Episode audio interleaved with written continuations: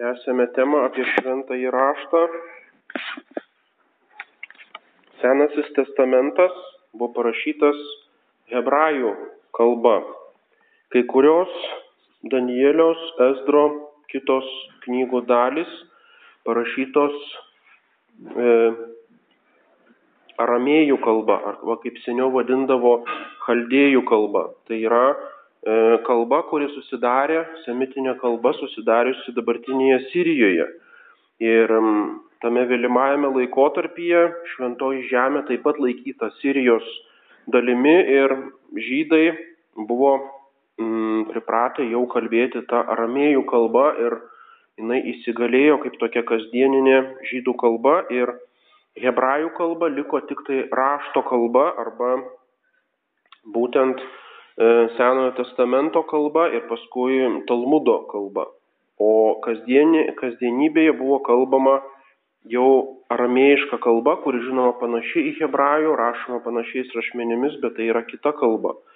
Taigi jau matome, kad jau Senajame testamente buvo tosai skirtumas tarp kasdieninės kalbos ir sakralinės kalbos arba šventos kalbos, skirtos būtent Dievo žodžio užrašymui ir liturgijai ir teologiniams tekstams. Toliau turime tas knygas, kurios e, buvo parašytos hebrajų arba chaldėjų kalbomis, bet išliko iki mūsų dienų tik tai vertimas į graikų kalbą, e, vadinamojame septuagintoje.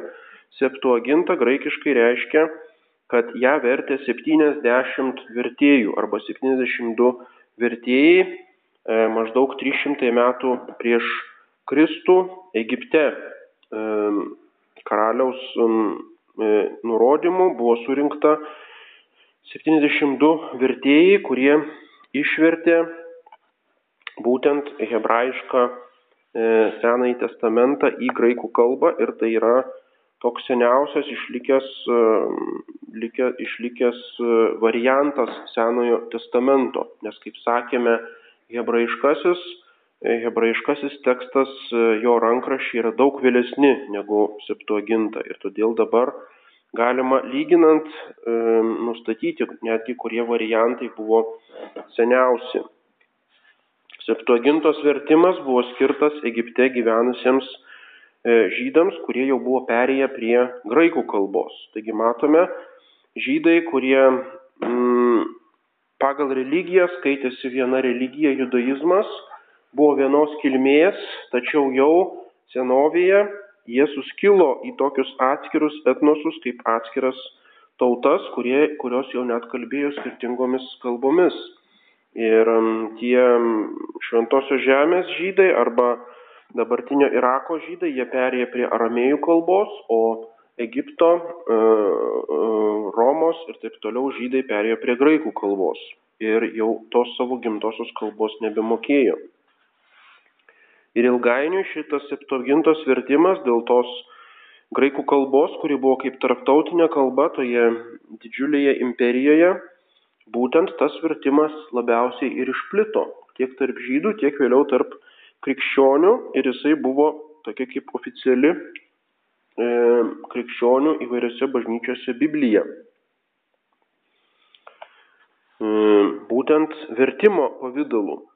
O originalo kalba hebrajiškai skaitė tik tai, e, skaitė tik tai patys žydai, krikščionys hebrajų kalbos nemokėjo, tik tai pavieniai bažnyčios tėvai vėliau ėmė skaityti hebrajiškai ir hebrajų kalba tik tai labai palaipsniui imta suprasti ir naudoti tie tekstai krikščionių bažnyčiose. Taigi Senasis testamentas parašytas hebrajų, aramėjų ir graikų kalbomis. Trys kalbos. Ir Naujasis testamentas viska, visas parašytas graikų kalba, nors yra teorija, kad mm, Šventomato Evangelija buvo parašyta pirmiau aramėjų kalba ir tik tai vėliau išversta į graikų kalbą. Tačiau dabartinis mūsų pasiekęs tekstas viso Naujojo testamento yra graikų kalba. Ir būtent tų kalbų žinojimas, tų kalbų studijavimas sudaro didelę dalį e, švento rašto mokslų ir studijų. apaštalai naudojosi būtent septuagintą, graikiškąją, graikiškojų šventuoju raštu.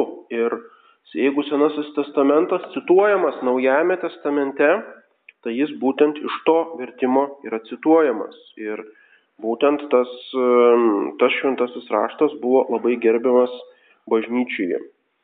Ir štai netrukus po paštalų laikų šventasis raštas jau buvo pradėtas atskiromis dalimis versti į, į, e, į lotynų kalbą, kuri buvo oficiali valstybinė Romos imperijos kalba.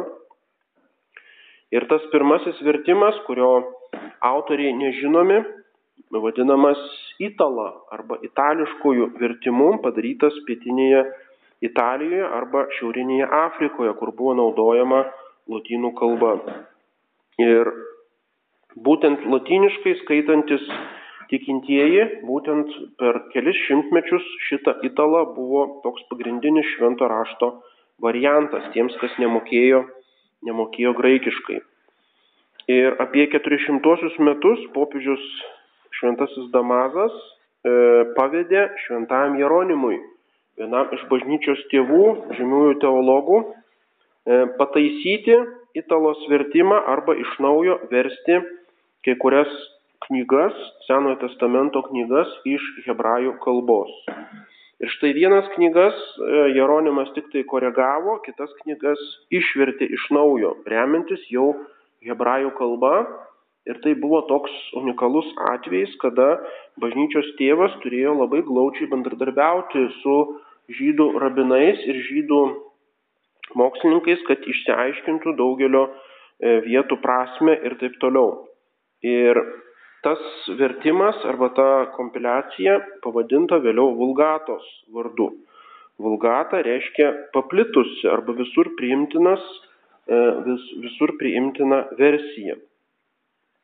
Tridento susirinkimas XVI amžiuje paskelbė, kad vulgatos tekstas yra autentiškas, tai yra jame iš tikrųjų yra Dievo žodis ir kad juo galima visur remtis visose teologinėse diskusijose.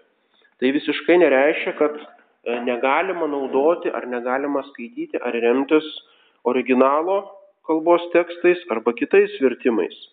Tačiau būtent tas vulgatos tekstas tapo toks kaip kanoninis oficialus e, katalikų bažnyčios vertimas. Ir vėliau, kai šventasis raštas buvo verčiamas į liaudės kalbas iki pat 20 amžiaus praktiškai, e, katalikų bažnyčioje jis buvo verčiamas iš vulgatos. O pas protestantus nuo pat reformacijos pradžios, nuo pat 16 amžiaus buvo verčiamas iš tų originalo kalbų. Ir todėl per tuos šimtmečius katalikiški ir protestantiškos Biblijos labai smarkiai skyrėsi. Ir tik tai vėliau būtent katalikai taip pat perėmė tą praktiką, kad vis dėlto šventą įraštą verčiame iš originalo kalbų. Taigi lietuvių kalba turime Skviretsko vertimą, kuris yra išverstas būtent iš tos vulgatos, iš e, lotyniško vertimo. Vertimo vertimas, galima sakyti. O pati vulgata remiasi labai daug kur septuaginta. E, taigi yra tas toks e, teksto testinumas. O štai dabartinis naudojamas Rūpšio Kavaliausko tekstas yra verčiam, verstas iš originalo kalbų. Iš hebrajų, aramėjų, graikų kalbų. Ir todėl ir tiek numeracijoje, tiek pačiose tekstų variantuose matome daugybę skirtumų tarp Skvirecko ir šito naujo vertimo. Tačiau žinoma, abu tie vertimai yra savaip e, naudingi ir savaip geri, jeigu nežiūrėsime į kai kurias vietas, kurios yra Rūpšio ir e, Kavaliausko vertime tendencingai išversta, remiantis modernistinę teologiją ir visiškai yra neprimtini kai kurie variantai, arba kai kuriuose vietose išversta pernelyg laisvai ir pernelyg e, sulietuvinant, panaikinant tą specifinį e, hebrajišką arba, arba graikišką skambesi. Ir tai visą laiką yra e, toks didžiausia dilema švento rašto vertėjui, kas yra svarbiau, ar pažodinis, paraidinis, vadinamasis vergiškas laikymasis originalo teksto, ar taip, kad tas tekstas gražiai skaitytųsi tą kalbą, į kurią verčiama.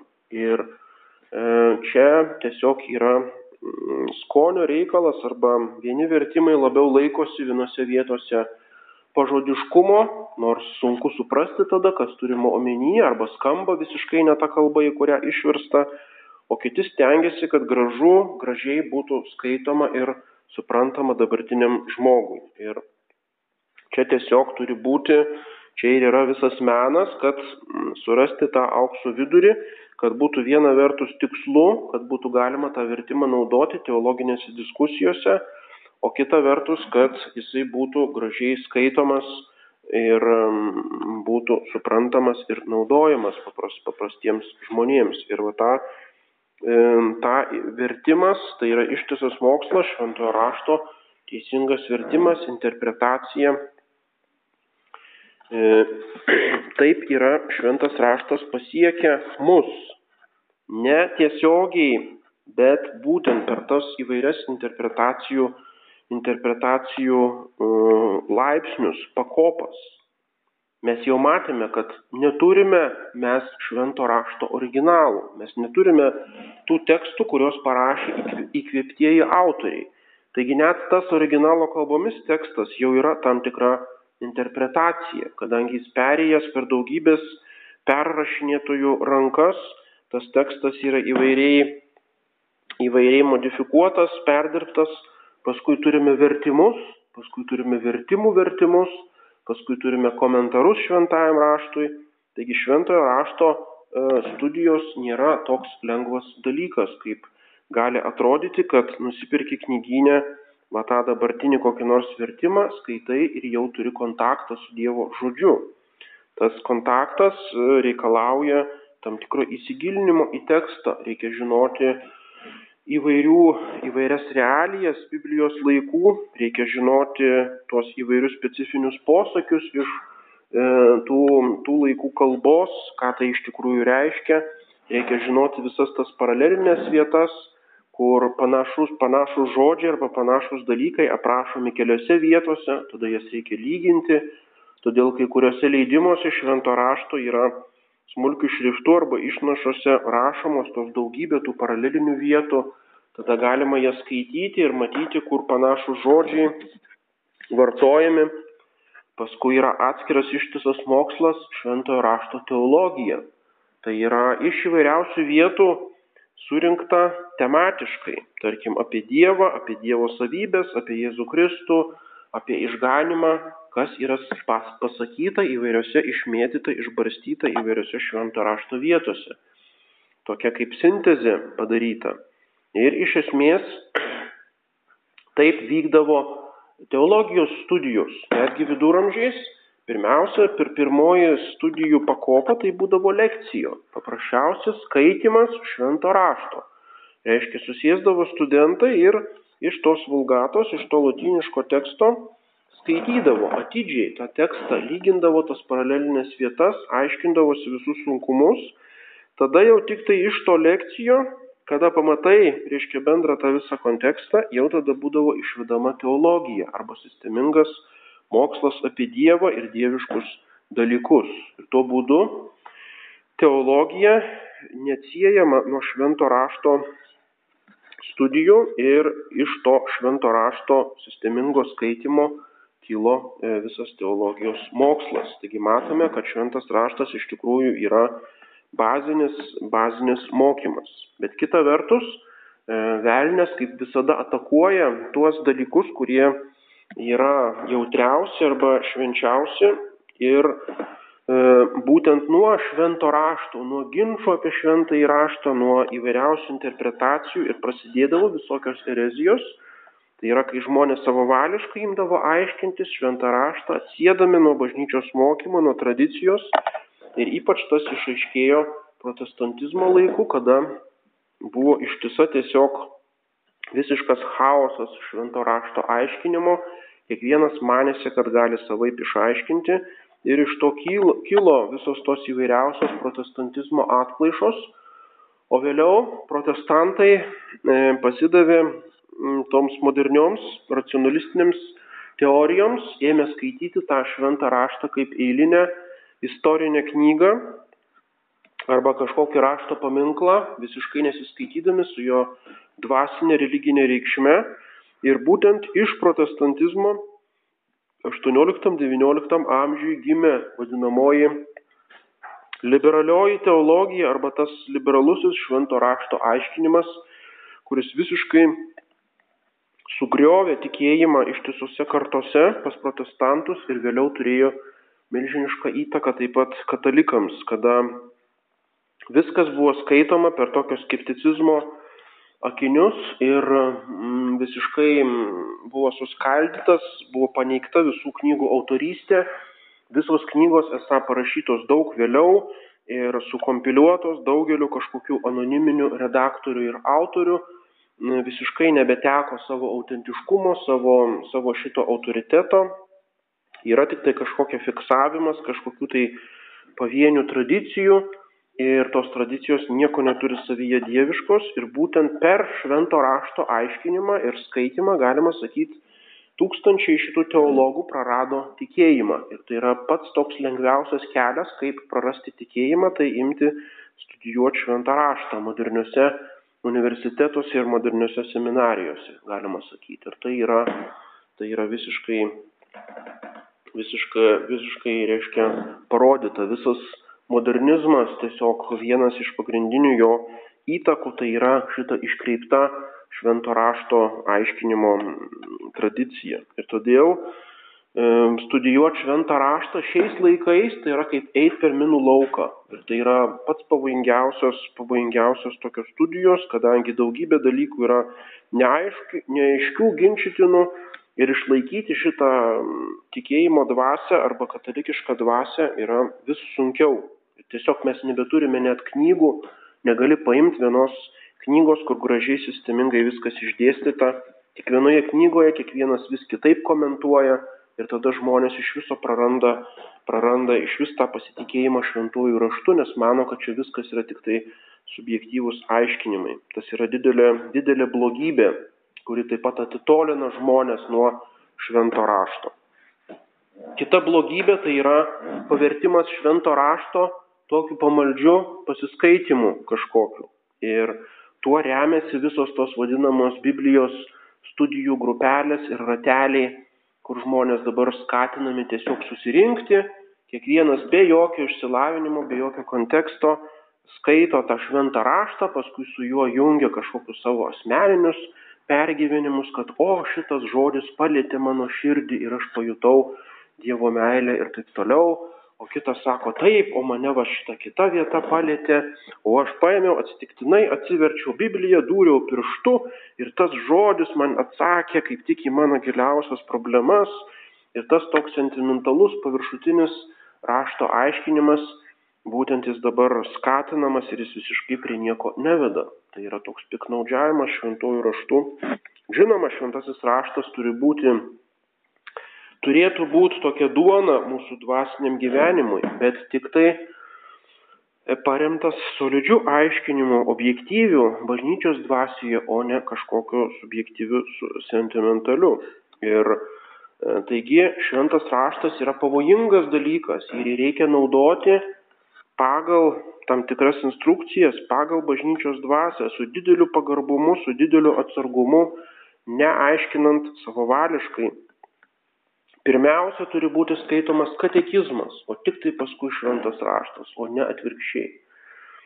Pirmiausia turi būti solidus katechetinis išsilavinimas, turi žmogus žinoti bazinius pagrindus e, savo tikėjimo ir tik tai paskui gali drįsti atsiversti šventai raštą. Pirmiausia turi būti, reikia pradėti skaityti nuo komentarų. Pirmiausia komentarai, įvadai, o tik tai paskui tas originalus tekstas.